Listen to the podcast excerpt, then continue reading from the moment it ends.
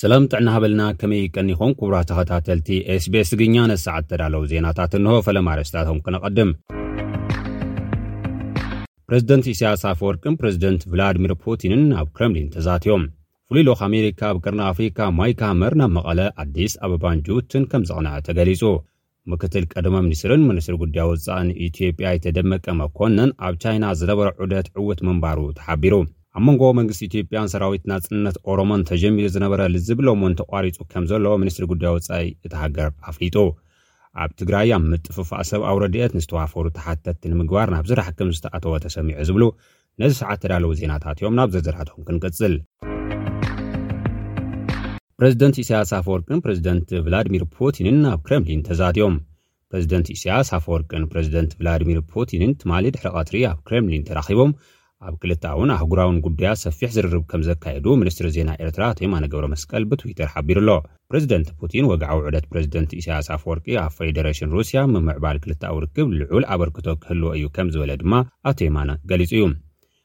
ፕረዚደንት ፑቲን ብገስጋስን ምዕባለን ክልተኣዊ ርክብ ክልቲኤን ሃገራት ምሉእ ዕግበት ከም ዘለዎ ብምግላጽ፣ ንፕረዚደንት ኢሳይያስ ኣፈወርቂ ኣብቲ ሩስያ ኣብ ወርሒ ሓምለ ናይዚ ዓመት እተተኣናግዶ ካልኣይ ዋዕላ ሩስያ-ኣፍሪካ ክሳተፍ ከም ዝዓደመ'ውን እቲ ሚኒስትር ሓቢሩ እዩ።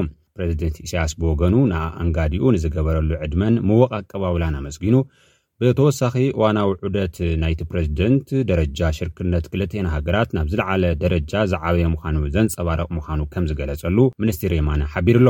ፕረዚደንት ኤርትራ ኣቶ ኢሳይያስ ኣፈወርቂ ናይ ኣርባዕተ መዓልታት ናይ ስራሕ ምብጻሕ ንምክያድ ናብ ሞስኮ ርእሰ ከተማ ሩስያ ከም ዝኣተወ ዝፍለጥ ኮይኑ፣ ትማሊ ሰላሳን ሓደን ግንቦት እዩ ምስ ፕረዚደንት ሩስያ ቭላድሚር ፑቲን ተራኺቡ ዘሎ።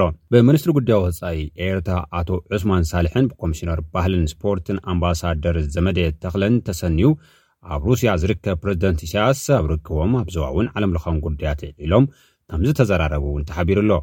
እቲ ካብ ዓሰርተ ኣርባዕተ ግንቦት ኣብ ቻይና ንኣርባዕተ መዓልታት ናይ ስራሕ ምብጻሕ ዘካየደ ፕረዚደንት ኤርትራ ኢሳያስ ኣፈወርቂ፣ ኣብዚ ውሽጢ ክልተ ሰሙን'ዩ ናብ ክልተ ዓበይቲ መሻርኽቲ ዝኾና ሃገራት ዓለም ምብጻሕ ዘካይድ ዘሎ። ፍሉይ ልኡኽ ኣሜሪካ ኣብ ቀርኒ ኣፍሪካ ማይክ ሃመር ናብ መቐለ፣ ኣዲስ ኣበባን ጅቡትን ከምዘቕንዐ ተገሊፁ።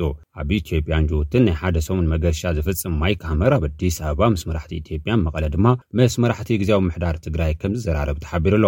ኣምባሳደር ሃመር ኣብ ናይ ኢትዮጵያ መገሽኡ ብዛዕባ ኣተገባብራ ስምምዕ ምቁራጽ ተጻብኦታት ክልተ ሕዳር ክልተ ሽሕን ዕስራን ክልተን ዝምልከት ምስ ሰበስልጣን ሕብረት ኣፍሪካ ክዘራረብ ምዃኑ እውን ተሰሚዑ ኣሎ። ካብቶም ኣብቲ ዘተ ቀዳምነት ዝወሃቦም ርእሰ ጉዳያት፣ መሰጋገሪ ፍትሕን ተሓታትነትን ንምስፋን ዝተገበሩ ፃዕርታት ሓዊሱ ከምኡ እውን መደባት ዕጥቂ ምፍታሕን ዳግበ ውህደት ሰራዊት ትግራይን ዝርከብዎም እዮም ተባሂሉ ኣሎ።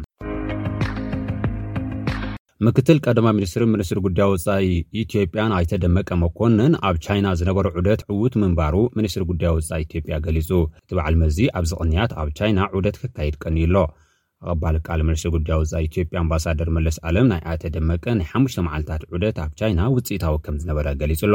ቻይና ምስ ኢትዮጵያ ኣብ ቀፅልቲ ዓውድታት ፖለቲካን ዲፕሎማስን ዝሓሸ ሕውነት ዘሎ ርክባት ንምምስራት ዘኽእል ምርዳእ ከም ተፈጥረ እውን ገሊጹ እዩ።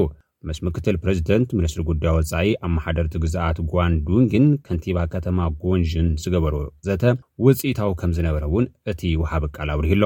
ምክትል ቀዳማይ ሚኒስትርን ሚኒስትር ጉዳይ ወፃን ኢትዮጵያ ኣይተ ደመቀ መኮንን ኩባንያታት ቻይና መዋእለ ንዋዮም ኣብ ኢትዮጵያ ንኸፍስሱ ፃውዒት ከም ዘቕረበ እውን ተሓቢሩ እዩ። ኣይተ ደመቀ ዋና ማእኸል ኢንቨስትመንት ቻይና ኣብ ዝኾነት ጓንዡ ኣብ ዝተኻየደ ፎረም ኢንቨስትመንት እውን ተሳቲፉ ኣሎ። ኣብቲ መድረኽ ልዕሊ ሰለስተ ሚእቲ ኣብ ዓውድታት ማኑፋክቸሪንግ፣ ሕርሻ፣ ነኣድን፣ ሓይሊ፣ ካልኦት ዓውድታትን ዝተዋፈሩ ፍሉጣት ሰበ ሃፍቲ ከም ዝተዋፈሩ እውን ማዕከናት ዜና ኢትዮጵያ ፀብፂበን ኣለዋ። እዚ ከምዚ ኢሉ እንከሎ ኣብ መንጎ መንግስቲ ኢትዮጵያን ሰራዊት ናጽነት ኦሮሞን ተጀሚሩ ዝነበረ ልዝብ ሎሚ እውን ተቋሪጹ ከም ዘሎ ወሃቢ ቃል ሚኒስትሪ ጉዳይ ወፃኢ ኢትዮጵያ ኣምባሳደር መለስ ዓለም ገሊጹ ኣሎ። ወሃቢ ቃል ሰራዊት ናጽነት ኦሮሞ ብወገኑ ምስ መንግስቲ ኢትዮጵያ ዝቐጸለ ልዝብ ሰላም ይኹን ቆጸራ ንልዝብ ሰላም ከም ዘየለ ኣረጋጊጹ ኣሎ።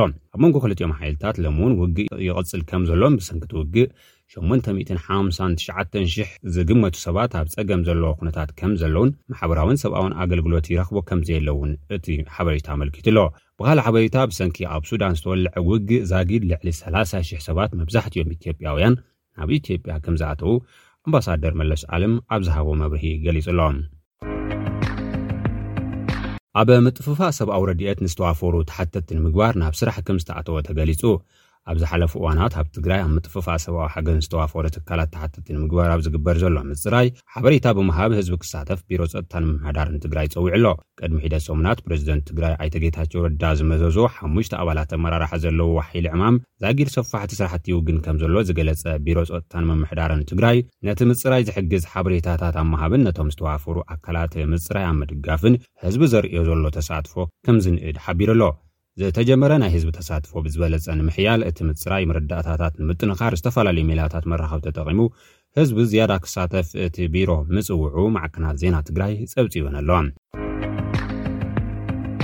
ክቡራት ተኸታተልቲ SBS ትግርኛ ነዚ ሰዓት ተዳለዉ ዜናታት እዚኦም ይመስሉ። ኣብ ቀጻሊ ብኻልእ ትሕዝቶ ክንራኸብ ኢና። ሰላም።